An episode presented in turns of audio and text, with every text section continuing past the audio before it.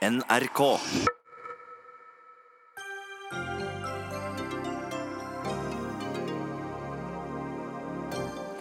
Dagsnytt 18 har flyttet enda nærmere maktens sentrum. Fra og med i dag og fram til valget skal vi sende her utenfor Stortinget. Hit kommer kulturministeren, som blir beskyldt for ellers å være fraværende og mangle en plan. Er det noe jeg har, så er det en plan, svarer kulturminister Linda Hofstad Helleland. Torbjørn Røe Isaksen vitset om hvit makt i en bursdag og måtte beklage da en av de krenkede gjestene tipset mediene. Slike saker gjør meg flau over egen stand, sier redaktør. Og forfatter Torvald Steen oppdaget eh, historien bak sin egen alvorlige sykdom. Nå frykter han at det snart ikke blir født barn som ham, som er annerledes.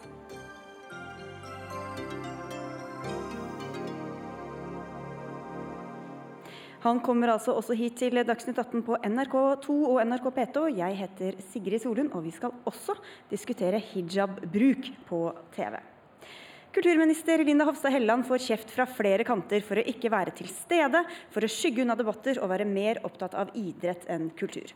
Uansett hvem som vinner valget, bør kulturlivet ønske seg en ny statsråd, skriver du i Aftenposten i dag, kulturredaktør Sara Sørheim. Du sier at vi har en kulturminister som ikke har vært til stede i kulturdebattene.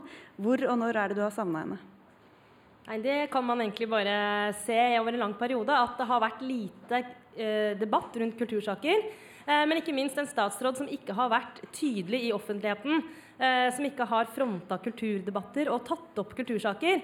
Eh, og mitt inntrykk nå når det nærmer seg eh, valg, og kanskje, kanskje ikke, det skal, ikke jeg, det skal jeg overlate til statsministeren, hvem som hun skal, eller han skal ha i sin regjering. Men, men, når man ser tilbake nå, så er det sånn at jeg syns kultur har vært fraværende, og jeg opplever at det har vært en utydelig statsråd som har ledet det departementet, og at idretten har vært mer og bedre fronta enn kulturen nå den siste perioden. Og det tror jeg er eh, synd. For det er veldig mange gode samtaler og mange gode debatter vi går glipp av. Uh, og så er det sånn at Jeg ønsker meg en kulturminister som er med på å kjempe for kulturfeltet og løfte kulturfeltet. Er med på å forklare hvorfor det er et viktig felt. Og Det har jeg savna ved den sittende kulturministeren. Og Det er flere som har kommet med den samme kritikken. Linda Hofstad Helleland, du er kulturminister. Vi får takke deg for at du kom hit i dag, da. Uh, men hva tenker du om denne, eller hva syns du om denne kritikken? da, Om at du har vært fraværende? Ja, jeg mener jo det er feil. Hvis vi først eh, snakker om uh om kritikken eh, over at det ikke er hatt noe plan, så er det også helt feil. Fordi at eh, jeg mener regjeringa her har vært eh, krystallklar gjennom de fire årene her. Først med kulturminister Widvey, hvordan vi skal ikke gjøre kunst- og kulturlivet til ensidig avhengig av offentlige budsjetter, men faktisk gi kulturlivet flere bein å stå på, flere finansieringsordninger. og Derfor har vi fått på plass flere ordninger for å gjøre kunst- og kulturlivet mer robust da, for framtida. Og det handler jo ikke om næringspolitikk. Det handler om at vi har et dypt og inderlig ønske om at uh, kulturen skal ha de beste uh, kårene framover. Mm. Og jeg husker jo for fire år siden, og det var så mange som gikk ut og tok til orde for at nå kommer norsk kulturliv til å bli rasert. når Frp kommer i, eh, i, eh, hvis Frp kommer i regjering. Og jeg må jo minne om at Kulturbudsjettet har jo økt år for år. Nå er det 13,5 milliarder. Det har økt med 465 millioner bare sammenligna med i fjor. Og når kritikken kommer for altså fraværet, at ikke vi har tatt nok initiativ, så er det jo det er forskjell på en borgerlig og en, en rød-grønn kulturpolitikk. Men det overordna planen det går på finansieringa. Det er det som har vært den store masterplanen? Vi har vært opptatt av å gjøre kulturlivet mer bærekraftig. Derfor har vi etablert gaveforsterkningsordninger som motiverer private til å gi penger. Vi har fått på plass filminsentivordninger. Vi har fått på plass eh, en unik talentsatsing gjennom Talent Norge, som bare i fjor ga over 50 millioner ekstra til kulturlivet. Vi har fått på plass historiske satsing som Kreativt Norge, som vi åpna i Trondheim okay. nå på torsdag. Og direktøren for Kulturrådet sa der dette er en kulturpolitisk satsing uten sidestykke. Uten sidestykke, Sara? Ja, men dette illustrerer egentlig mitt poeng. Det er ikke noe tvil om at dere har en plan. Dere har én plan. Og det er den planen, og det handler om å finne flere finansieringsformer for kulturen. Det har jeg sympati for. Eh, det syns jeg er fornuftig. Men kulturpolitikk handler om så veldig mye mer, eller burde handle om så veldig mye mer enn finansieringen av kulturlivet. Og det er her jeg savner et hvorfor. Eh, det er kjempefint med Kreativt Norge og talentordningen og sånne ting, men jeg, jeg etterspør en kulturpolitikk, ikke bare en Hvor er det du savner? Hva konkret er det du skulle ønske hun hadde kommet med, eller, eller diskutert i det minste? Nei, hvis vi ser rundt oss, da. Vi er i en situasjon hvor eh, Altså, vi lever i en veldig dramatisk tid. Det er eh, stor mistillit til de som styrer dette landet. Og nå mener jeg ikke bare politikerne, mener alle oss som uttaler oss i offentligheten.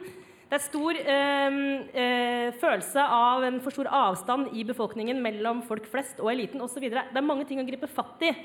Eh, det jeg savner, er at noen forklarer hvorfor det er sånn at vi har en statsfinansiert, delvis iallfall, kultur i Norge, hvis ikke vi også mener at den skal brukes til noe, at den skal berike samfunnsdebatten, og at kulturfolk og kulturlivet kan inviteres inn og være med i en større diskusjon om hvor Norge skal og hva vi holder på med. Og nå i høst, når vi har hatt en i mine øyne ganske ensidig debatt om de såkalte norske verdiene, eh, som jeg merker meg at kulturministeren har fronta, så tenker jeg så leit at du ikke benyttet den muligheten til å se til din egen portefølje.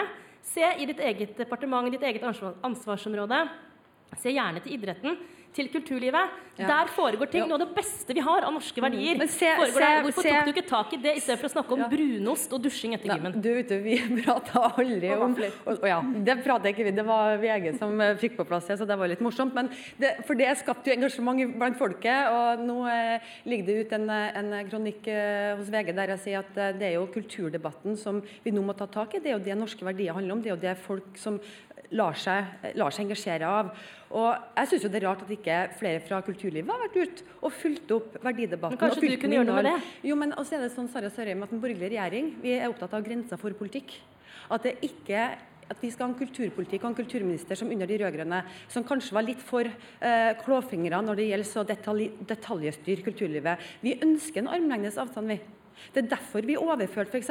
festivalstøtteordninga til Kulturrådet. Men hvorfor, sånn hvorfor tok tas, du da den ja, men, debatten om norske verdier? Hvis, det, hvis, du sier at det er for, politikk, så er dette innenfor nei, det politikkområdet? Da var jeg på pilegrimsvandring, så hadde vi en stopp på gården til Ola Borten Moe eh, og snakka litt eh, om, om, om, hva vi legger i norske verdier. Men la nå det ligge, for det det her handler om, er at vi har overført mer makt til Kulturrådet, der vi ønsker at, at mer kunstfaglige vurderinger enn at man skal sitte og politisk styre alt. Og jeg skjønner ikke at man etterlyser mer, flere politikere i eh, kultur, kulturdebatten. Jeg ønsker meg også et kulturliv som har vært mer til stede. Og bare for å si det, bare for å følge det opp. Det du da savner, er da, hva er det som gjør at det ikke bare er mer politisk styring? Altså, vi husker jo, Skal det være mer likestilling? Skal det være uh, mer, flere minoriteter? Eller hva er, det, hva, er det egentlig, hva er det du savner at hun skal gjøre sånn i, i praksis? Nei, Jeg savner en uh, kulturminister, men også andre kulturpolitikere, for all del, som har lyst til å prøve å være med på den litt skumle, men viktige øvelsen som det er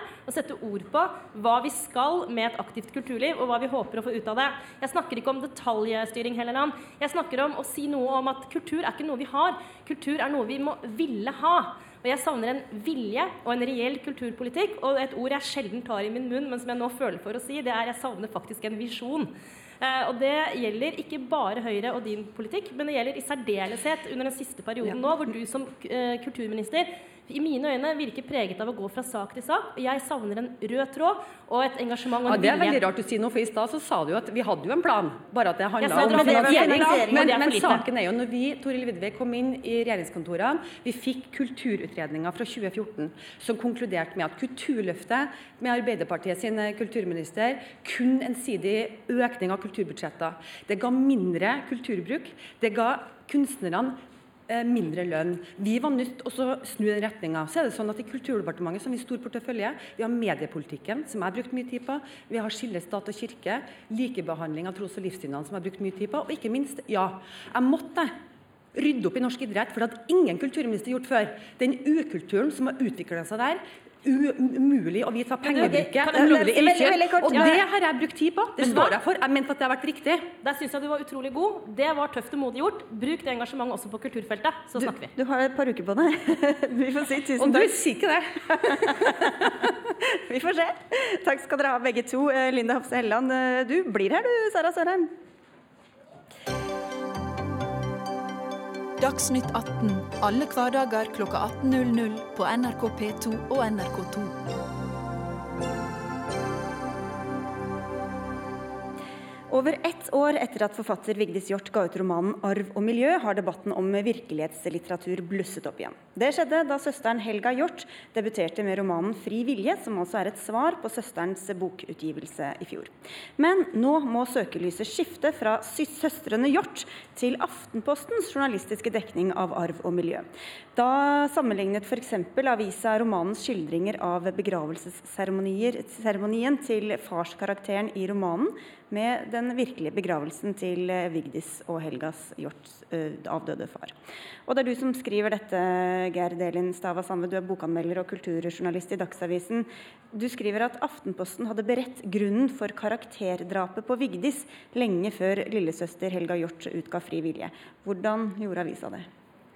Eh, ja, Det er jo den episoden som du òg nevner nå, der Aftenposten satte to journalister på å sjekke, altså faktasjekke hvorvidt det litterære verket av miljø samstemte med virkeligheten. Og De kom jo jublende tilbake og fant at ja, dette begravelsesprogrammet som eh, Vigdis Hjorth skriver om i en eh, roman, eh, ligner veldig på ett, eh, som eh, finnes i den virkelige verden utenfor romanen, eh, og som da eh, ble brukt i hennes eh, eh, far sin bisettelse.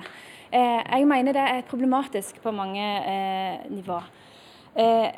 det verste er jo at de ikke skiller mellom altså litteratur og virkelighet. At Vigdis Hjorth har hele veien sagt at dette er en roman.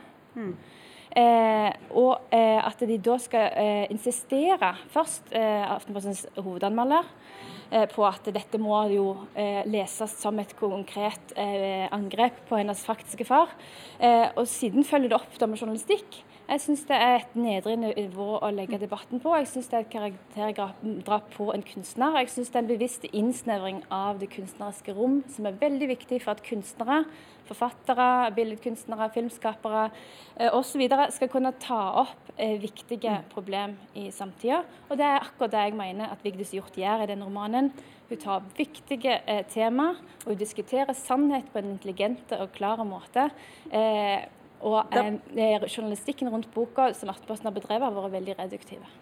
Vi får høre med deg, da, kulturredaktør fortsatt i Aftenposten, Sara Sørheim. Hvilke redaksjonelle vurderinger lå bak denne satsinga? Altså både en anmeldelse og disse, disse, sakene som dere hadde samtidig? Ja, det startet med at vår hovedanmelder, eh, som ga den boken en Unnskyld. Beklager ga den boken en veldig rosende anmeldelse. Eh, vel fortjent. 'Arv og miljø' er en eh, veldig god roman. Men i sin anmeldelse så stilte vår hovedanmelder Inge Nøkland noen spørsmål rundt etikken i denne romanen. Grunnen til det var at, og da må jeg korrigere deg, det er ikke vi som har startet med å blande litteratur og virkelighet. Det er det litteraturen som har gjort. Eh, de siste, ti, ja, siste, årene har det vært en tendens i norsk litteratur eh, at vi har fått såkalte virkelighetslitteraturbøker. Altså bøker som henter mye av sitt stoff fra det virkelige liv. I denne, akkurat denne boken så er det karakterer som blir i romanen beskyldt for kriminelle handlinger. Vår hovedanmelder stilte noen spørsmål rundt etikken i det. Eh, hvis det er sånn at dette er mennesker som kjenner seg igjen, er dette basert på levende modeller, ja, da er det kanskje på tide å diskutere etikken i dette. Og så gikk dere videre, og så bl.a. Ja. dette begravelsesritualet. Men, men der... Så gikk vi videre og undersøkte da Vi tenkte at dette var jammen gode spørsmål, la oss se litt mer på dette. Så viste det seg jo, eh, ikke gjennom veldig avanserte metoder, gjennom helt vanlig journalistikk så oppdaget vi veldig raskt at eh, det var gjenkjennbare karakterer i denne boken hentet fra det virkelige liv. Det syns vi var en interessant litteraturdebatt å gå videre på, og det var akkurat det vi gjorde. Men eh, hvor mange tror du hadde spurt seg, for eh, Vigdis Hjorth nektet jo å svare på om dette gjaldt henne selv eller ikke, mente det var helt uinteressant. Ja. Hvor mange tror du hadde uh, tatt, lest det nærmest som en selvbiografi hvis ikke dere hadde trukket opp alle disse likhetspunktene? Det det blir helt hypotetisk å spekulere i det. Men det som ligger fast, er at det finnes folk, familier der ute, som har blitt ufrivillig dratt inn eh, fått sitt liv endevendt og blitt presentert i offentligheten uten at de har hatt muligheten før nå til å si sin versjon av historien. Det er ganske lett med enkle grep å fiksjonalisere nok til at eh, mennesker som ikke har bedt om det, slipper å få livet sitt brettet ut på denne måten. Så sier ikke jeg at det nødvendigvis er sånn at man ikke skal bruke virkelige hendelser og mennesker i litteraturen, men jeg syns det er utrolig rart at det å hele tatt ha den diskusjonen skal være et problem i seg selv. Jeg mener at Den såkalte virkelighetslitteraturen den bør avføde en etisk diskusjon Men, om etikk. Og det syns jeg vi må kunne få lov til å gjøre uten å bli beskyldt for å innskrenke romanens rom. Og det er for meg vært- underlig at, det kommer fra en, Ja. en som jobber i en avis. Og det er mange andre tilfeller tidligere også før disse bøkene som har, eh, hvor andre som har blitt til romanfigurer mer eller mindre har stått fram og sagt at dette var ubehagelig. Hvordan kunne Aftenposten gjort det uten å faktisk vise denne likheten da? Nei, altså Jeg er jo uenig i det eh, Sara Sørum Heime eh, sier nå. Og jeg er uenig i det eh, som deres anmelder Ingunn eh, Økland skrev om at spørsmålet presser seg fram. Er det egentlig hennes egen far Vigdis Hjort, skriver om? Jeg syns ikke det var vanskelig i det hele tatt å lese den boka som et Men klart det ikke var vanskelig for deg, men hva tror du om de som ble Ja. omtalt? Ja, men jeg tenker jo at de, de fleste lesere er ikke omtalt. De fleste anmeldere kjenner ingenting til Vigdis Hjort og hennes familie. Jeg, jeg ante ingen hvor mange søsken hun hadde, eller hvorvidt faren levde eller var død.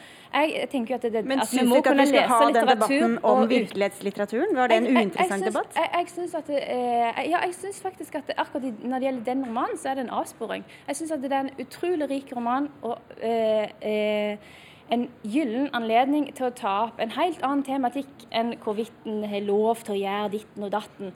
Eh, jeg syns at det hadde vært en eh, fantastisk inngang til en veldig vanskelig, men veldig viktig debatt om overgrep. Og den døde vel litt eh, i det vi rakk, Sara Sørheim? Jeg tror det er viktig å huske på at det finnes ikke én måte å omtale en roman på, eller eh, noe som helst annet, egentlig. Eh, Det står fritt frem for alle å gå inn i andre sider ved den boken. Mm. Eh, F.eks. Dagsavisen. Der du har en egen avis du kan, kan skrive om det i. Mm. Tematikken har vi behandlet i Aftenposten mange ganger før. Vi kommer til å gjøre det mange ganger igjen. Eh, Så ble jeg litt sånn oppgitt over at det at vi valgte å se på én side ved denne utgivelsen Vi ønsket å reise en debatt om etikken ved virkelighetslitteraturen. At det, at det betyr at døren er lukket for andre ting. Eh, Det er et veldig snevert syn på hva journalistikk er og skal gjøre. Men i Men- men praksis er jo så tok dere ikke den debatten om overgrep. Og det kunne Og det- dere gjort, eller andre gjort også. det kunne mange Ja. gjort, Og det sant? kan Men, men, du, men du sa at det var hensynet også til de som er involvert i den boka. da. Ja. Men tror du det er verst for dem å eh, liksom bli lest av mange lesere som ikke nødvendigvis trekker den parallellen, eller å bli slått opp i Aftenposten som at her er det virkeligheten som blir beskrevet i denne boka? jeg, jeg skal ikke uttale meg på vegne av eh, de konkrete menneskene, men jeg er helt sikker på at som journalister så er hensynet vårt til de som ikke har en stemme, viktigere enn hensynet til tusenvis av romanlesere. Men det var dere som trakk, som trakk den likheten inn i, det, inn i debatten? Den likheten og den sammenstillingen med virkeligheten, den lå i romanen. Eh, det må redaktøren til Vigdis Hjorth og Vigdis Hjorth selv ta ansvar for. Eh, og så mener jeg at vi har gjort vår jobb som kulturjournalister når vi har plukket opp den boken og sett på de etiske konsekvensene av å gjøre mennesker til ufrivillige modeller i litteraturen. Og det er en debatt jeg håper at flere vil være med på, og at ikke journalister og andre mediefolk vil stenge debatten. Det klinger ikke godt i eh, 2017. Men det stemmer jo ikke at disse personene ikke hadde en egen stemme. Den ene søsteren i dette helt konkrete tilfellet med Hjort-familien har til og med skrevet en hel roman. Og for, og Men det hadde hun kanskje neppe gjort med mindre jeg debatten ble sånn? jeg mener definitivt at du er inne på noe i ditt spørsmål som handler om hva er den største belastningen. Er det å bli omtalt som en fiktiv person i en roman som egentlig tar opp større problemstillinger enn din privatfamilie? Eller er det å havne i landets største avis eh, over mange sider, der journalistikken mener å føre bevis for at åh, det er din familie dette Det har ingenting om. å si for de det gjelder. For Skandale, familien skandale. deres og vennene deres og deres omgangskrets har lest den boken. Den boken var allerede ute. og Akkurat det ansvaret må du plassere et annet sted enn hos Og Aftenposten. der er, de er ikke her, de som kan ta det ansvaret eventuelt. Vi får Selvsagt si takk, Og det er jo der vi er uenige. Ja. Hva som er lov å gjøre mot andre folk. takk skal dere ha, Inkludert Sara Sørheim fra Aftenposten og Gerd Elin Stava Sandve fra Dagsavisen.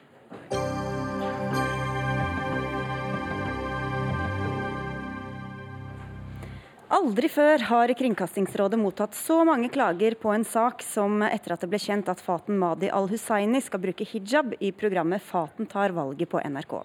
Da vi sjekka i stad, var det kommet inn 3700 klager, og det er før programmet i det hele tatt er blitt vist på fjernsyn.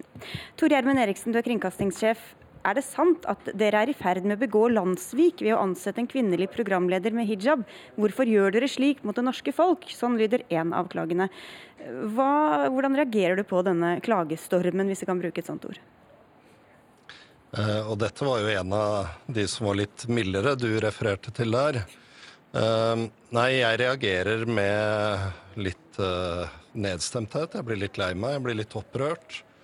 Eh, Det er NRKs oppdrag som vi har fått fra Stortinget å fortelle historien også om det flerkulturelle Norge. Dette er en av flere hundre valgkampsatsinger vi har i forbindelse med valget 11.9. Og da er det vår ambisjon å kunne nå alle som har stemmerett i Norge, og stimulere til et engasjement og stimulere til at alle kan delta i den demokratiske prosessen. Og det gjør vi ikke på samme måte til en 60-åring fra Selbu, som jeg er her nå, ikke noe galt med dem. Eh, eller en, en 18-19-20-årig jente fra Oslo. Vi bruker mange ulike virkemidler, og Faten er én av, av disse programmene. Så dette handler jo ikke om hva innholdet i programmet eller i, i, serien som starter, men det må handle om en sterk motstand mot at hun i det hele tatt skal synes på det offentlige arenaen. Og, og, det mener jeg er NRKs oppgave å synliggjøre dette mangfoldet. Det er mange som trekker paralleller til eh, en sak som var for et par år siden, da et nyhetsanker, altså en programleder i NRK, ikke fikk bruke kors. Vebjørn Selbekk, du er redaktør i den kristne avisa Dagen. Det er vel noe av dette som ligger til grunn for at du mener at NRK kan takke seg selv for eh, den kritikken nå blir møtt med? Ja, men la meg først si det at jeg syns at eh, Tor både Tor Gjermund Eriksen, kringkastingssjefen, og etikkredaktør Per Arne Kalbakk har uttalt seg ganske konsistent i denne saken. Og de har understreka at det er dette forbudet mot religiøse symboler gjelder kun i, i nyhetsprogrammer. Men det er klart at eh, den saken fra 2013, da eh, Siv Kristin Selman i eh, NRK Sørlandet fikk beskjed om å ta av seg sitt 14 mm store kors da hun skulle være nyhetsoppleser der nede, det er klart at den saken husker mange.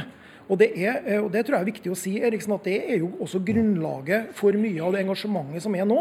At man husker denne saken, og eh, man reagerer på en forskjellsbehandling av eh, kors og, og hijab. Og jeg tror at det er veldig viktig å understreke at dette her er ikke et, et veldig sånn eh, smalt engasjement. Dette tror jeg er et engasjement fra brede grupper i det norske folk som eh, opplever i en tid med økt eh, globalisering, der islam får større innflytelse i landet vårt, så opplever de at det er viktig at vårt eh, originale kulturgrunnlag også blir forsvart. og Derfor tror jeg at vi opplever nå denne voldsomme klagestormen, som jeg tror kommer til å ende på 10 000 klager. Eh, fordi at programmet er jo ikke, er jo ikke sendt ennå. Men Det var jo mer eller mindre et forsvar for korset du kom med, med nå, da. Men Eriksen, du skiller jo, eller deres eh, argumentasjon som vi var inne på her, ja. er at det er et klart skille mellom en programleder i et nyhetsprogram eh, som f.eks. Dagsrevyen, ja. og et programleder i et valgprogram. Hvordan kan du forvente at alle andre utenfor skal ha så klare skiller som det du har, som altså er kringkastingssjef?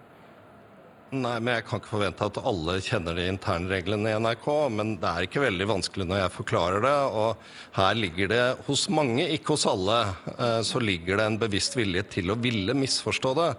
Eh, som du selv sier, eh, når det gjelder nyhetsprogramledere, så ønsker vi en nøytral framtoning.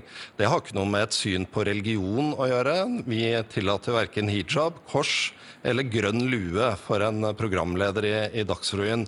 Det skal være en, eh, en, en, framtoning som ikke distraherer, som ikke står i veien for budskapet. Mm. Det vi snakker om her, er jo en subjektiv historie om ei jente.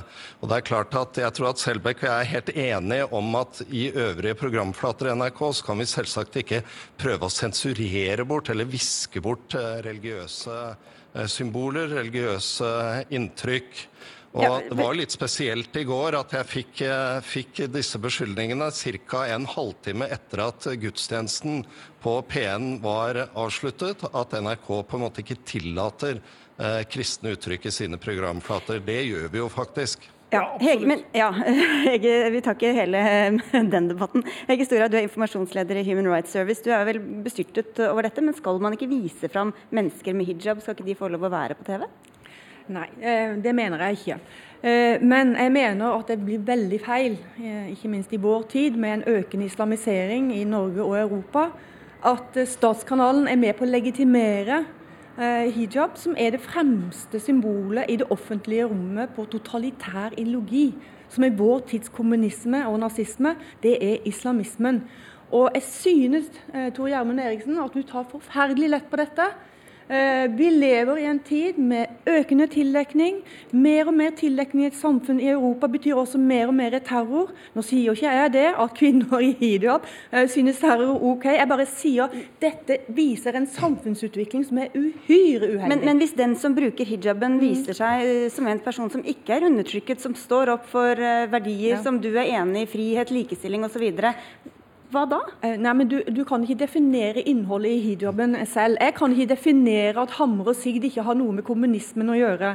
Det ligger fast i symbolet. Hijaben er det fremste symbolet for islamistene i det offentlige rom. Vi kommer ikke utenom det. Og en ting til. Vi har jo dessverre kvinner som er også er islamister. Eh, vi har kvinner som også er nazister og kommunister. Så vi må ikke uskyldiggjøre alle kvinner. Da skal vi bare, før vi går videre, høre med deg, Eriksen. Hvor godt har dere satt dere inn, eller hva har dere tenkt gjennom om eventuelt hva en hijab signaliserer? Men en hijab tror jeg signaliserer forskjellige ting for de ulike mennesker som, som bærer den. Nei. Uh, og så er det jo ikke noe nytt det at Hege Storhaug mener uh, det hun sier nå, og det syns jeg er greit. Og i denne sendingen så kommer hennes synspunkt fram. For meg så handler dette om at NRK skal være en mangfoldig, raus fellesarena som alle de som er, bor i Norge, alle de som har stemmerett nå, skal kunne kjenne igjen noen og identifisere seg med noen av uh, noens bakgrunn og standpunkter. Er det noen annen ideologi? Gjermund Eksen, hør her. Er det noen annen totalitær ideologi som du mener unge i Norge skal identifisere seg med? Altså, det jeg opplever men, men, igjen Nå har vi hatt okay. denne debatten siden 2004. Og ennå så har du ikke tatt til deg helt grunnleggende kunnskap, du som er sjefen for NRK. Jeg har med meg boka mi. Jeg skrev for ti år siden til deg. Hvis, vi, skal sørge for å sende den opp til Marienlyst. Du kan gi til meg, så kan jeg ta den opp ja, til Marienlyst. Fatima Al-Musawi, ja, du skal få slippe til. Bare få med fjerdeperson her. Du er også samfunnsdebattant og student. Du bruker hijab selv, som de som på, hører oss på radio, ikke, ikke hører eh, eller ikke kan se. Eh, hva er det hijaben signaliserer, mener du, ut fra hvordan vi får høre beskrivelsen fra Hege Storhaug her? Eh, for meg så signaliserer den noe helt annet enn hva hun sier. Jeg blir egentlig litt sånn lei meg, fordi det er som om hun ikke syns det er greit at jeg står her nå. Altså at jeg står her og er samfunnsengasjert og prøver å vise at det, det, altså vi Michal også liker å uttrykke oss, liker å snakke, liker å vise at vi også har meninger i dette samfunnet. Og vi ønsker også en positiv endring for Norge. Det er ikke sånn at vi kommer hit og har lyst til å snikislamisere Norge. Altså, unnskyld meg. Eh, men sjal for meg, det er for meg ikke bare religiøst, det er kulturelt. Det er for meg noe fint. Det er for meg det som Eh, viser min nærhet til Gud. Og jeg forstår ikke hvorfor det har plutselig blitt til noe veldig negativt ladet. Mm. Ethvert samfunn som har gått gjennom islamiseringsprosesser, eh, og det vet persene fra Iran veldig mye om Men kan ikke uttrykk begynner, skifte nei, mening? Nei, nei det jo, begynner det med fint. tilsløring av kvinnene, og så kommer resten av mørket. Dette har historien vist oss helt inn i vår tid nå. Og jeg synes du skal ta ansvar for utviklinga av kvinners frihet videre til de neste generasjonene. Det som skjer nå i dag, er det at kvinners frihet er i revers. Dette er veldig veldig alvorlig. Men, men skal... Og denne konflikten går helt inn i skolegårdene, hvor barn nå deler hverandre inn.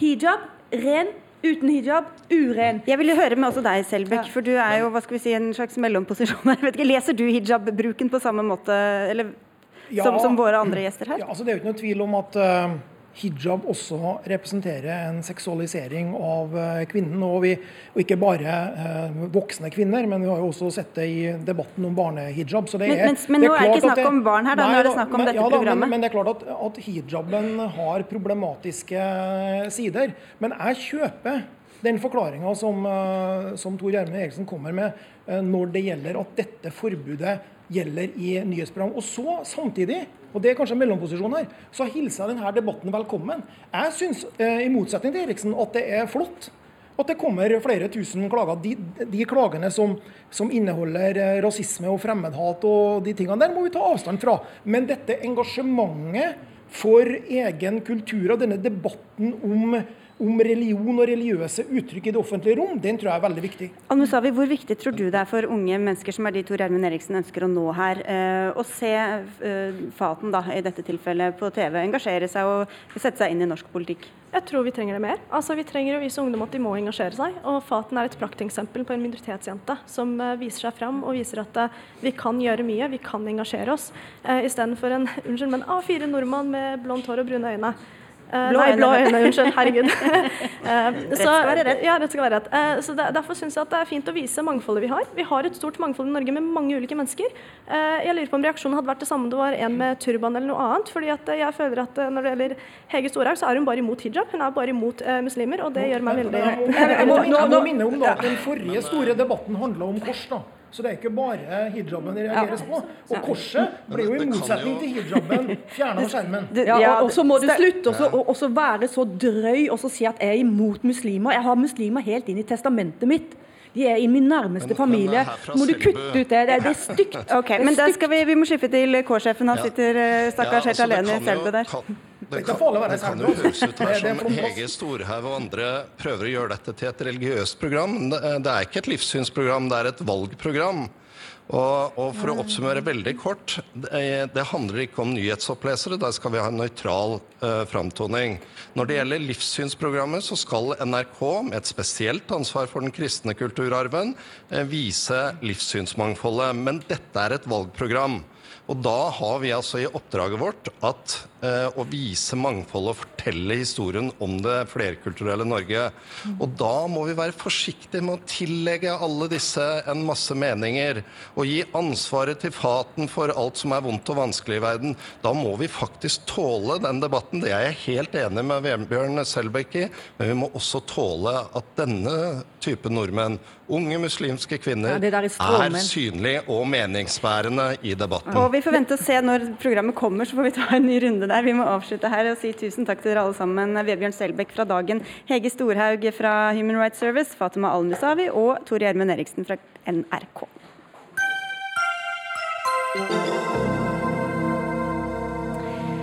Hvis du er jobbsøker, men er usikker på hvordan du lager en best mulig CV, så finnes det håp og hjelp der ute. Nå er det mange selskaper som selger denne hjelpen mot noen tusenlapper. Men disse tjenestene får kritikk fra flere hodejegere og rekrutteringsselskaper i Dagens Næringsliv i dag. En av kritikerne er deg, Erik Falk Hansen. Du er daglig leder i rekrutterings- og omstillingsselskapet OGS. Du kaller det rett og slett lureri. Hvorfor det? Altså, Vi som driver med omstilling og jobbsøkerkurs og, og den biten der, når, når, vi skal ut og lære folk om hvordan de skal stille så sterkt som mulig, så må vi sørge for at vi forteller dem hva som er riktig og hva som er galt. Og Da stoler vi på to ting forskning og undersøkelser. Forskninga vi har gjort, eller vi baserer det på, er DNVs egen forskning og Der sier de at CV kommer på åttende av tiendeplass med tanke på hva som er mest viktig for å få deg jobb, og for å gjøre en god jobb. Så det er ikke så farlig hva som står på den CV-en, da? Jo, selvfølgelig er det det, men det er en veldig liten del av om du får jobben, eller om du kan gjøre jobben. Og, og DNV-sertifiseringa er vel den man, den mest solide forskninga som er der ute. Mm. Når det gjelder undersøkelser, så er det viktig for oss å snakke med både HR-mennesker, hodejegere, folk i bemanningsbransjen. Hva ønsker de? Hvordan ser de på ting? Og da er tallene vi har helt klinkende klare. Det hjelper ikke å få en CV laget eksternt. Det ødelegger faktisk i de fleste tilfellene. Og derfor mener vi det er lureri. Kristoffer Birknes, Birkenes, du er styreleder i uh, selskapet CV Designs. Uh, ifølge hjemmesiden deres koster hjelp til å lage eller fikse på CV-en uh, 1600 kroner. Hvorfor er det verdt det for en jobbsøker? En kan si det, eh, si det å, å, søke jobb, det er på mange måter å kommunisere. Kommunisere noe som du er utrolig opptatt av, noe som er viktig for deg. Og da ser vi det at de eh, selskaper som ellers gjør det, de bruker reklamebyrå, de bruker eh, kommunikasjonsbyrå, nettopp fordi at den formen for kommunikasjon er vanskelig. Det er vanskelig å kommunisere noe som er eh, viktig. Og da er det naturlig at en får hjelp til eh, å gjøre det. Det som, eh, når det er snakk om CV-er, så kan en si at design i seg sjøl, det er ikke det som gjør at du kommer til å få en jobb. Det erkjenner vi. Men strukturen og oppsettet kan ha veldig mye å si. Sjøl eh, så sitter, eh, eller de som jobber som konsulenter hos oss, de har erfaring som hodejegere, som rekrutterere. Og i den forbindelse så vet de at de har sittet i en situasjon, gått gjennom CV-er, og så har de tatt vekk de som ikke nødvendigvis de som har skrivefeil, de som ikke er satt opp på en riktig måte. Og det er der vi kan bidra, med den kunnskapen og kompetansen som vi besitter, som har hatt den rollen tidligere. Men da sier du og du har gjort en liten uhøytidelig undersøkelse som viser at dette faktisk kan virke mot sin hensikt? Ja, altså, Først må jeg få lov å spørre deg om disse hodejegerne som sitter hos dere. Hvor, hvor finner vi dem? For vi finner dem verken på sosiale medier. De få personene her på egen hjemmeside. Der har du folk med bakgrunn som T-banefører, eh, og ikke så du stoler ikke på at det er noe spesialkompetanse der? Jeg setter i hvert fall spørsmålstegn med det. Og det gjelder ikke bare det dere i CV-design, men, men, disse andre firmaene. Det er veldig skjult, dette her. Og, og det stusser jeg veldig på. Du må få svare på det veldig kort. da. Er det T-banesjåfører som sitter der, eller er det faktisk erfarne, erfarne mennesker fra hodejegerbyråer og lignende? Eh, det er personer med en bredde av kompetanse. Eh, Litt av hvert, da. Blant annet eh, når det gjelder designere, de som har jobbet med rekruttering. Men vi er òg personer som er gode på tekst. Mm. Tekst i seg selv har mye å si men, når den skal eh, kommunisere noe okay. på, eh, med tekst. Jeg skjønner. Så, det var, jeg vil bare ja. til svare på det som jeg også spurte ja, altså, om. dette. Det blir jo feil i forhold til våre undersøkelser. og vi har snakka med. For det første så sendte vi en CV som ble laget av et av disse selskapene, ikke dere, da, til 35 hodejegere. Og 29 sa at de aldri ville brukt den, og 29 sa at de mye heller foretrukk den CV-en denne personen hadde laga sjøl. Ja, hva slags blindtest hvor dere sendte en hjemmelagd og en uh, Vi sendte med, begge to som ja. de var, og spurte de, og forklarte at vi skulle ha en sak i Dagens Næringsliv om det.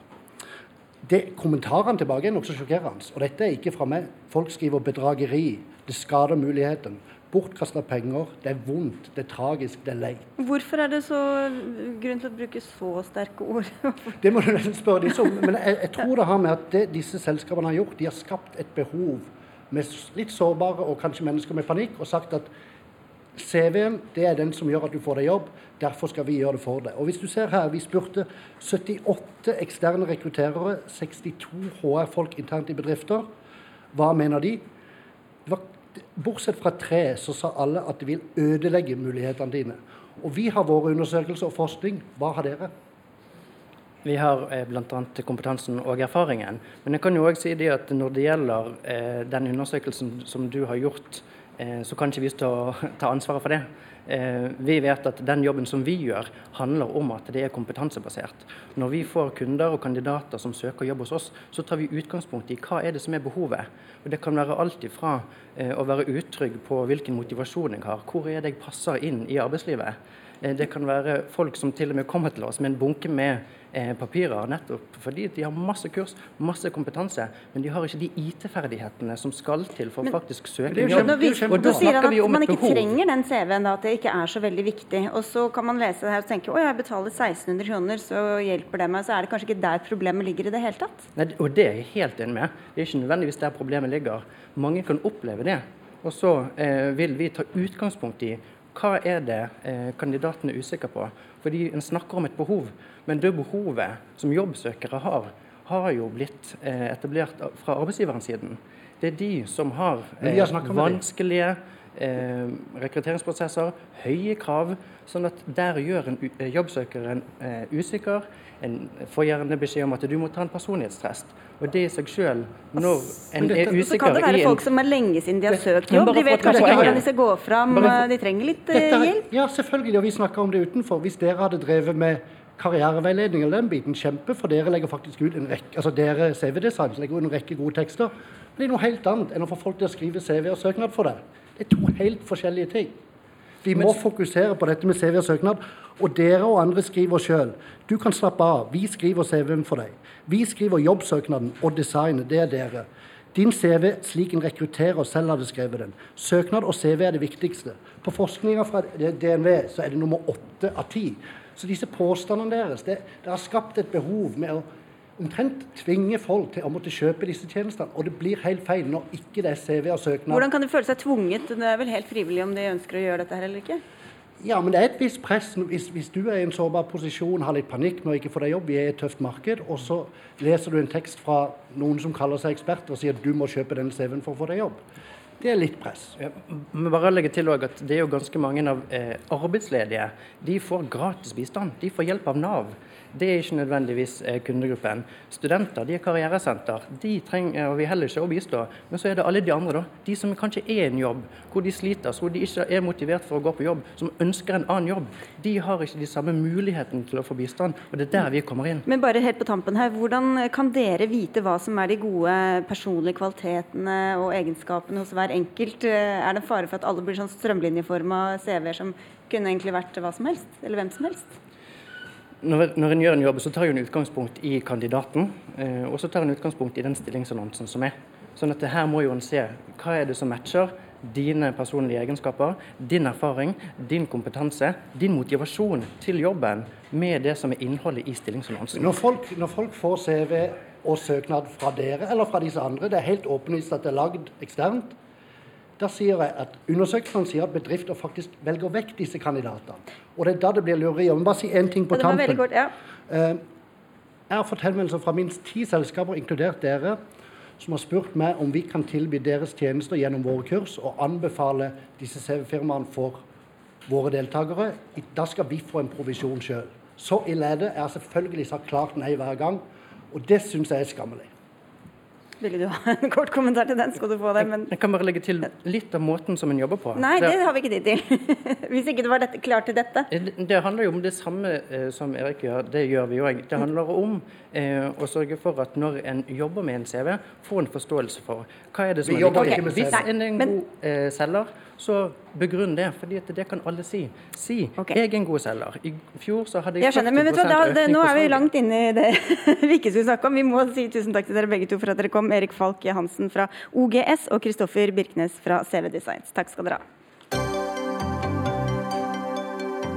Hør Dagsnytt 18 når du vil. Radio NRK Radio.nrk.no.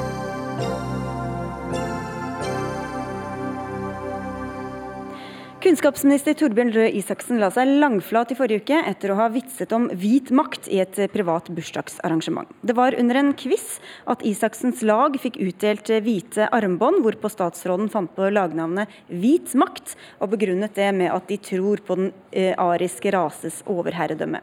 Spøken ble plukket opp av andre gjester, og tipset havnet etter hvert hos ABC Nyheter, som valgte å publisere saken. Noe som gjorde deg pinlig berørt, Hilde Sandvik. Du er redaktør og grunnlegger av den nordiske nyhetssiden nettsiden Broen XYZ. Du kaller dette en ikke-sak. Hvorfor er det det? Ja, Muligens burde jeg ikke heller stilt opp her pga. det, men det er altså det Takk for at du er her, må jeg si da. det, altså, det sier ingenting om Torbjørn Røe Isaksen, det sier ingenting om Høyre.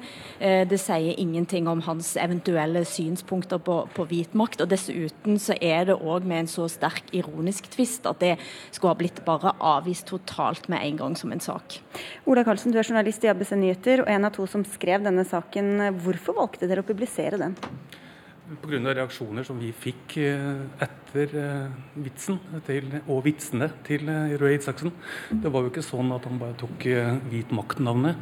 Han ble jo etter at de hadde vunnet quizen spurt om hvorfor, og det begrunna han med det men, du refererte. Men Trodde dere at han mente det på ordentlig? Så fikk vi jo sjekka om det virkelig var sant det han hadde sagt, og det, det var det flere som, kilder som bekrefta. Og de fleste kildene mente nok at det var en spøk, men eh, de var ille berørt. Ikke nødvendigvis fordi det var Brød Isaksen eller fordi det handla om partiet Høyre, men fordi at det her var snakk om kunnskapsminister. En, eh, en, mann som bør vite hva han sier, og særlig i en forsamling hvor han ikke har kontroll på hvem som er der. For det var ikke et rent privat arrangement som ble referert. Det var en bursdag. og mine kilder anslår at Røe Isaksen kanskje kjente 50% av de som var der. Samvik. Ja, altså jeg regner med at resten av 50% skjønte at dette ikke var Røe Isaksens eh, verken personlige eller politiske oppfatning. Eh, og er det noen vet eh, om Torbjørn Røe Isaksen som kunnskapsminister, så er det at han faktisk kanskje er den muligens den mest politisk korrekte Høyre-politikeren som finnes på Stortinget. Men han tilhører òg en eh, generasjon, en ironigenerasjon, eh, som begynner nå etter hvert å få, å få, ganske sterkt press, nettopp for den type hårsårhet som, eh, som ABC Nyheter her er eksponent og, og talerør for. Hvor blir det av eh, meningsrommet å skille mellom smått og stort når denne saken her og andre tilsvarende saker blåses opp? Da? Det er klart at det er alltid noe som må diskuteres. Og Hadde Røe Isaksen fortalt vitsen på en bar krakk som med to venner eller hjemme i et privatlag, så hadde det aldri blitt en nyhetssak. Og Her er det da mer rollen som kunnskapsminister som er interessant. Og vi mener at det har offentlig interesse at kunnskapsministeren syns det er artig å vitse med hvit makt og naturliggjøre den type vitser. Man kan jo bare snu på det hele. Hva hvis det, det hadde vært en annen statsråd, f.eks. Sylvi Listhaug, som hadde, hadde et quizlag som hadde kalt for Quizling, eller Behring Breiviks Buddies, og etterpå forklart at det var helt i orden fordi at vi meide motstanderne ned. Hadde det også vært helt OK? Men det er da jeg lurer på om, om eh, ABC Nyheter altså Problemstillingen her er ikke at de publiserer i utgangspunktet, for det er ikke et så veldig stort og sentralt uh, nyhetsnettsted. Men at eh, så mange medier bare gjentar eh, saken ukritisk uten å gå etter i sømmene. og Det er derfor det blir en sak at vi kan sitte på ja. Dagsnytt 18 og snakke. Og så lurer jeg på hvor, hvor, i dette ligger et samfunnsansvar? Hva mente en at en fortalte om Høyre eller Torbjørn Røe Isaksen? Hva var det leserne eller velgerne skulle bli oppdatert om med denne type sak? Ja, vil bare si når du nevner at både Dagbladet, NRK, VG og TV 2 uh, eh, siterte dere og, og, og skrev om, uh, om, denne saken. Men for å svare på det, hvor, hvor, hvor går grensen? Eller hva, hva, hva, var egentlig det interessante i dette, hvis, uh, utover det at noen hadde syntes at det var litt støtende der og da? Det gikk over det å være litt støtende. Det her er jo snakk om en, en, igjen en, en, kunnskapsminister som har ansvar for mobbeplaner i skolen. Han skal være et ideal, han skal fremstå som nettopp det han er, en minister. Og det er kanskje flere enn Røe Isaksen av de ministrene som burde ta hensyn til at de faktisk har makt over det de sier, og er i stand til å beklage noe Røe Isaksen var i stand til. Og det er all ære for han til det. Unnskyld. Vi har vel også invitert ham hit, han hadde ikke anledning til å være med. Men hvor god dømmekraft mente du han, eh, eller mener du han viste da, Hilde Sandvik, bare for å ta tak i det? Nei, altså Jeg syns jo det var synd at han la seg så paddeflat som han gjorde. Han kunne godt ha sagt at det var ikke det mest elegante, og så kunne han ha lagt til nettopp hva slags kraft det både finnes i ironien, og den type spøker skal en òg politiker skulle kunne komme med. Og jeg for min del ser med skrekk og gru på et regjeringskabinett eh, der snert og, og, dårlig av og til dømmekraft og, og, og litt, eh, altså litt flåsethet skal kunne forekomme. Hva slags verden er det da vi går inn i? Den har ikke jeg eh, veldig, veldig sans for. Hvor er det dere legger, si legger lista her, Karlsen? Nei, vi legger ikke lista noe særlig eh, sted, egentlig. Vi, vi, skrev en sak eh, som vi mener har offentlig interesse, og det har den åpenbart hatt, mm. siden bl.a. alle de det her er referert til, eh, har, har gått videre med saken. Det gjør den ganske ukritisk, og det sa bl.a. Gard Steiro, sjefredaktør i VG, innrømte jo til Minerva at denne saken aldri burde vært publisert videre. Ja. Og, og, det handler om rett og slett det å ettergå den type saker som forsvinner ganske lett ut på nett på kveldstid, og det sier noen ting om journalistikken, og det er på den måten journalistikken òg taper, taper skape tillit. Eh, og det har en òg sett ganske så mange eksempler på. Det er jo interessant Hilde, at du ikke da nevner Klassekampen, hvor også redaktøren jo, det gikk, gikk, gikk, gikk, veldig høyt ut på banen. Samme, mm. samme avis trykte artikkelen også. Ja, og, og angra på det. Angra ganske tydelig på det. Ja. Og det sier litt òg om at det hadde ikke noen nyhets, nyhetens ja. interesse. Ja, for den, den, den, ble jo ikke plukket opp av det viktigste programmet, nemlig Dagsnytt 18, og den døde jo ganske så raskt. ja, vi tar metadebatten, det er vår spesialitet. Ja, det. Men, Men, så da var, det er ikke det dødsdommen over mediene er litt eh, er, er, du litt, litt, raskt ute der, da? Eller sånn Nei, fordi at det nettopp da blir brakt videre i så mange store medier umiddelbart uten at en sjekker, og det har noe med at ting går altfor raskt. Eh, og kanskje denne saken Jeg tenker at når jeg stiller her i Dagsnytt 18, så er det like preventivt som det er å, å, å sitte og diskutere metadebatten, for det er mer sånn får lyst til å si stop it. Altså slutt med den type journalistikk. Du får, eh, du får, eh, svare på det, om det var siste, siste gang det ble eh, det, det, kommer da helt an på situasjonen. Det, det, er umulig for en journalist å si at man kommer aldri til å skrive om noe som helst. Og det vet Hille Sandvik veldig godt. Vi sier tusen takk til dere begge for at dere tok denne metadebatten da, hos oss, Hilde Sandvik fra Broen XYZ og Ola Karlsen fra ABC Nyheter.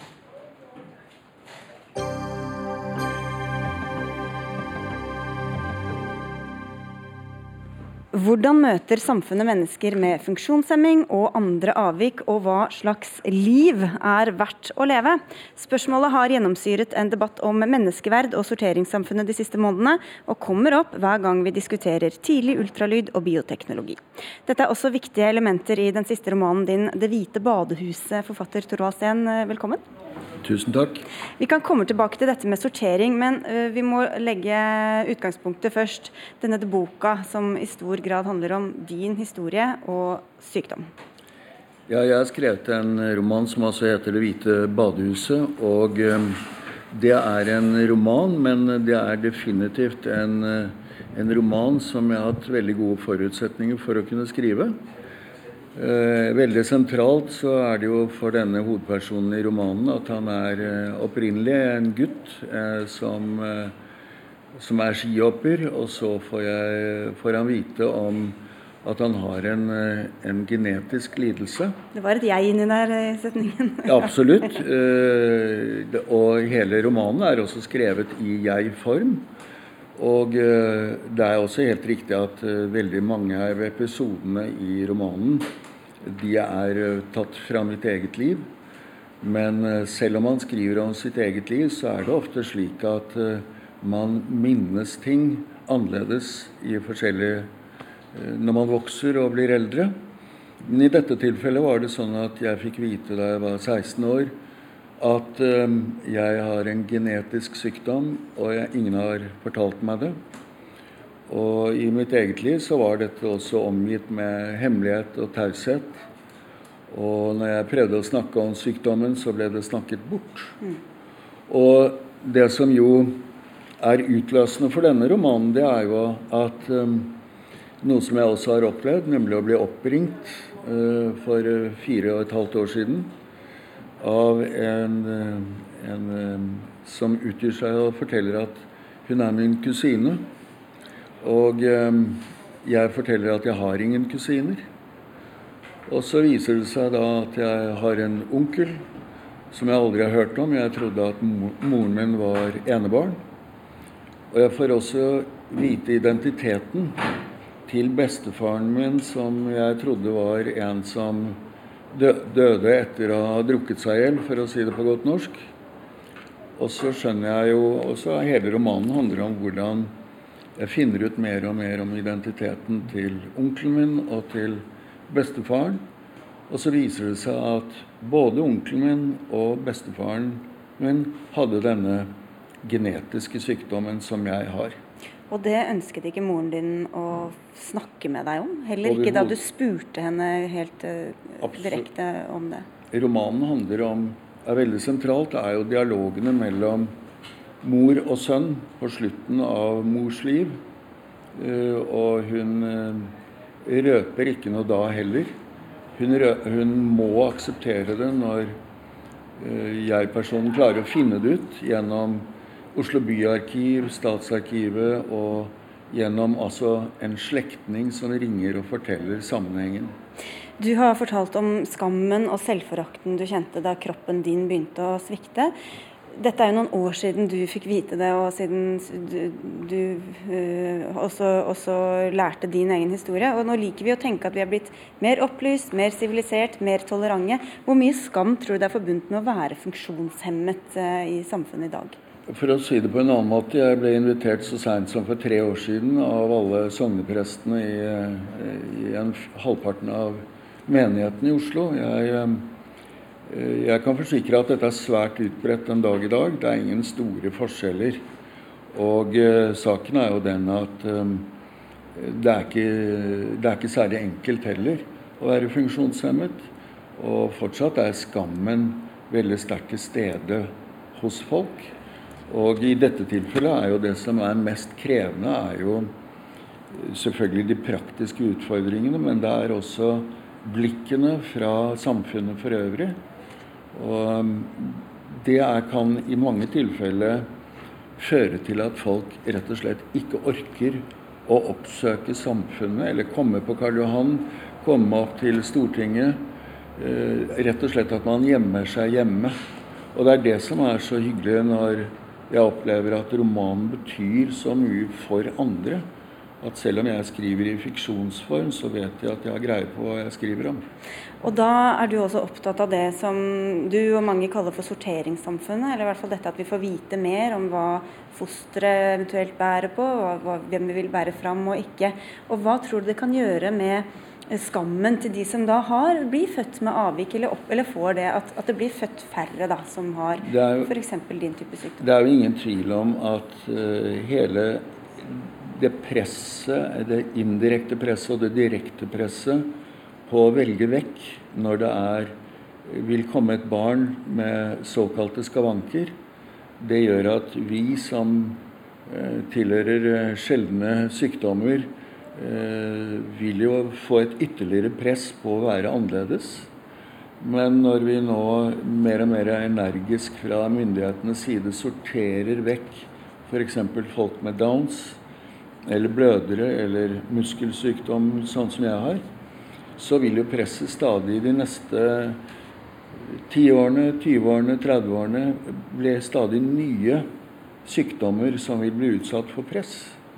Du har jo, og Kona di har jo valgt å få tre barn, selv om du vet at det er en sterk altså Det er jo mulig for at de arver dine sykelige gener, for å si det sånn. Hva, hva, hva slags vurderinger gjorde dere da dere tok den sjansen på deres vegne? Ja, vi hadde jo alle de eh, vanskelige diskusjonene som man bør ha eh, i så måte, fordi det er klart at dette ikke er noe lett sak.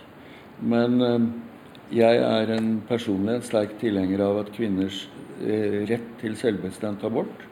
Men det som er tendensen nå, som blir en stadig sterkere tendens, det er at man blir stadig tydeligere og klarere frarådet å få barn som har eh, såkalte kromosomavvik. Og det er i det jeg legger ordet eh, eh sorteringssamfunn. Og jeg ser at i Danmark så er det nesten ikke et Downs-barn som fødes. Men jeg vil jo nevne at mine venner eh, blant Downs de kan jo f.eks. gå. Og er glade og muntre store deler mye oftere enn det jeg er. Men jeg kan ikke gå. Og jeg kan ikke skjønne at mitt liv er ikke verdt å leve. Så jeg mener at vi trenger noen av oss som er litt, tilhører litt sjeldne arter. Men hvis du kunne velge, da?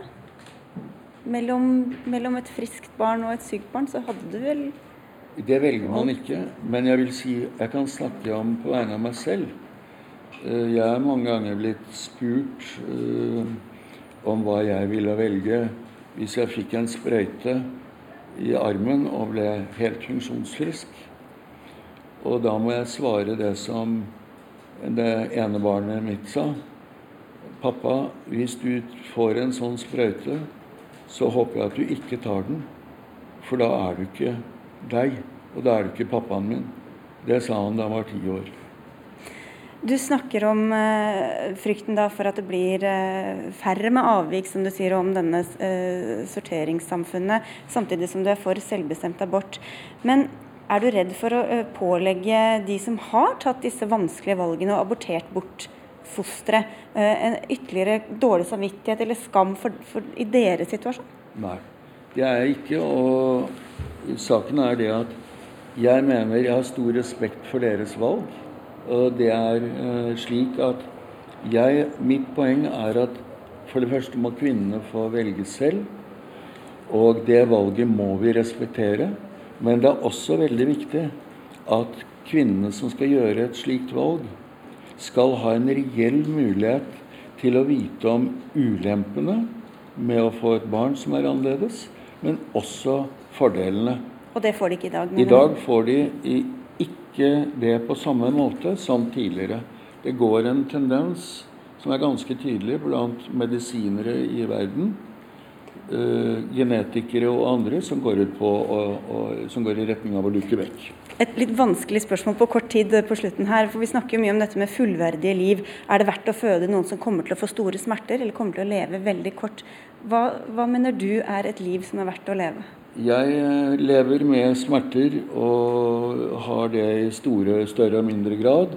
Jeg kan ikke dømme overfor hva andre vurderer om dette. Men jeg har jaggu meg også store kvaliteter med livet mitt og er stort sett en munter kar. Turvald Steen, tusen takk for at du kom til Dagsnytt 18. Vi eh, må takke for oss. Vi er tilbake her ved Eidsvolls plass eh, i morgen til eh, samme tid. Det var Sara Victoria Rygg som hadde ansvaret for innholdet i sendinga. Frode Thorshaug var teknisk ansvarlig. Jeg heter Sigrid Solund og ønsker en fin kveld videre.